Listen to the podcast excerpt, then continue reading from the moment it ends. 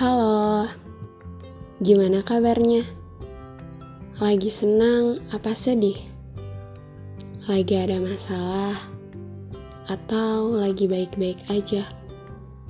Bagaimanapun kabarmu hari ini, semoga gak jauh dari kata tenang. Ya, semoga.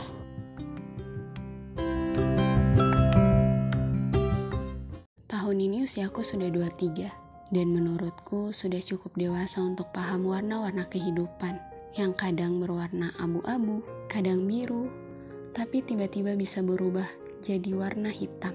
Hari ini aku ingin menyapa anak kecil di dalam diriku yang baru aku sadarin ternyata selama ini yang bikin aku tiba-tiba sedih sama masalah yang sudah aku pahami ternyata anak kecil ini. Jadi ceritanya beberapa waktu lalu Aku sedih perkara udah lama gak main ke pantai. Jujur bagi aku yang dewasa, alasan sedih kali ini konyol banget. Kayak, kenapa sih sedih perkara belum punya waktu untuk healing? Bagi aku yang dewasa, healing dan jalan-jalan itu gak jadi prioritas sekalipun aku suka. Benar-benar aku yang dewasa sangat menomor satukan pekerjaan karena kebutuhan hidupku udah gak disponsorin orang tuaku. Jadi aku mikir berkali-kali untuk gunain waktuku buat hiburan dan kesenangan sesaat gitu. Dan itu ngebuat aku jadi jarang nongkrong, jarang main. Dan tadinya aku pikir prioritas kayak gitu tuh normal banget sebagai pribadi yang dewasa. Setuju nggak?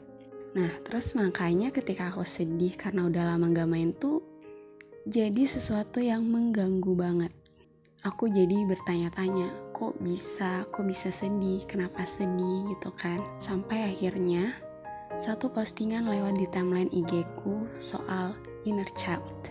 Aku lupa apa kata-katanya.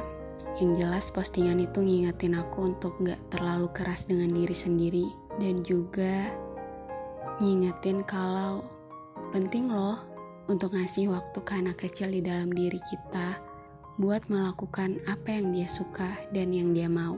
Setelah baca itu, aku jadi nyapa lagi perasaan sedih tadinya itu. Bahwa barangkali yang ingin main di pantai itu anak kecil di dalam diriku. Karena dia suka ketenangan. Barangkali anak kecil di dalam diriku capek ngeliat aku yang tidak memprioritaskan senang. Dan justru menutup diri di satu ruangan yang isinya kerjaan, overthinking, dan juga beban. Ternyata anak kecil di dalam diri sebaik itu. Di saat orang lain gak selalu bisa nanya keadaan kita setiap hari, anak kecil itu datang, memeluk kita dengan perasaan sedih.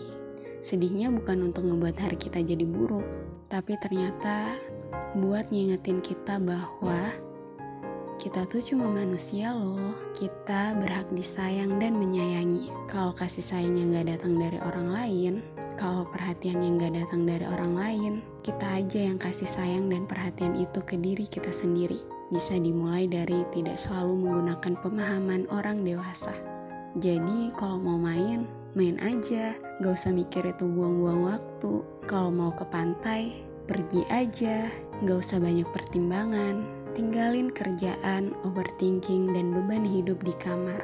Keluar aja dan izinkan semesta ngasih kita senang yang gak kita dapatkan di pekerjaan.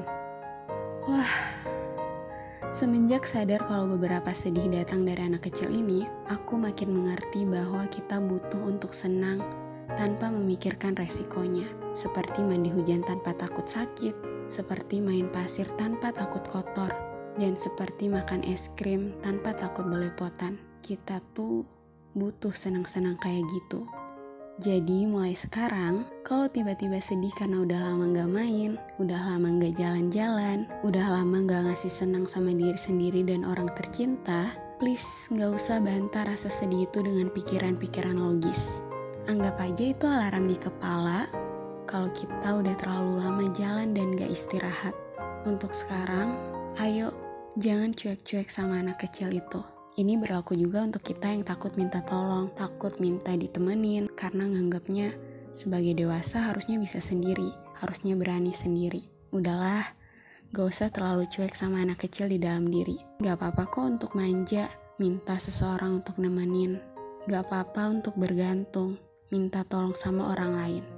Gak apa-apa, karena ada banyak cara untuk tenang. Dan kali ini, Pilih cara untuk menerima kemauan anak kecil di dalam diri kita.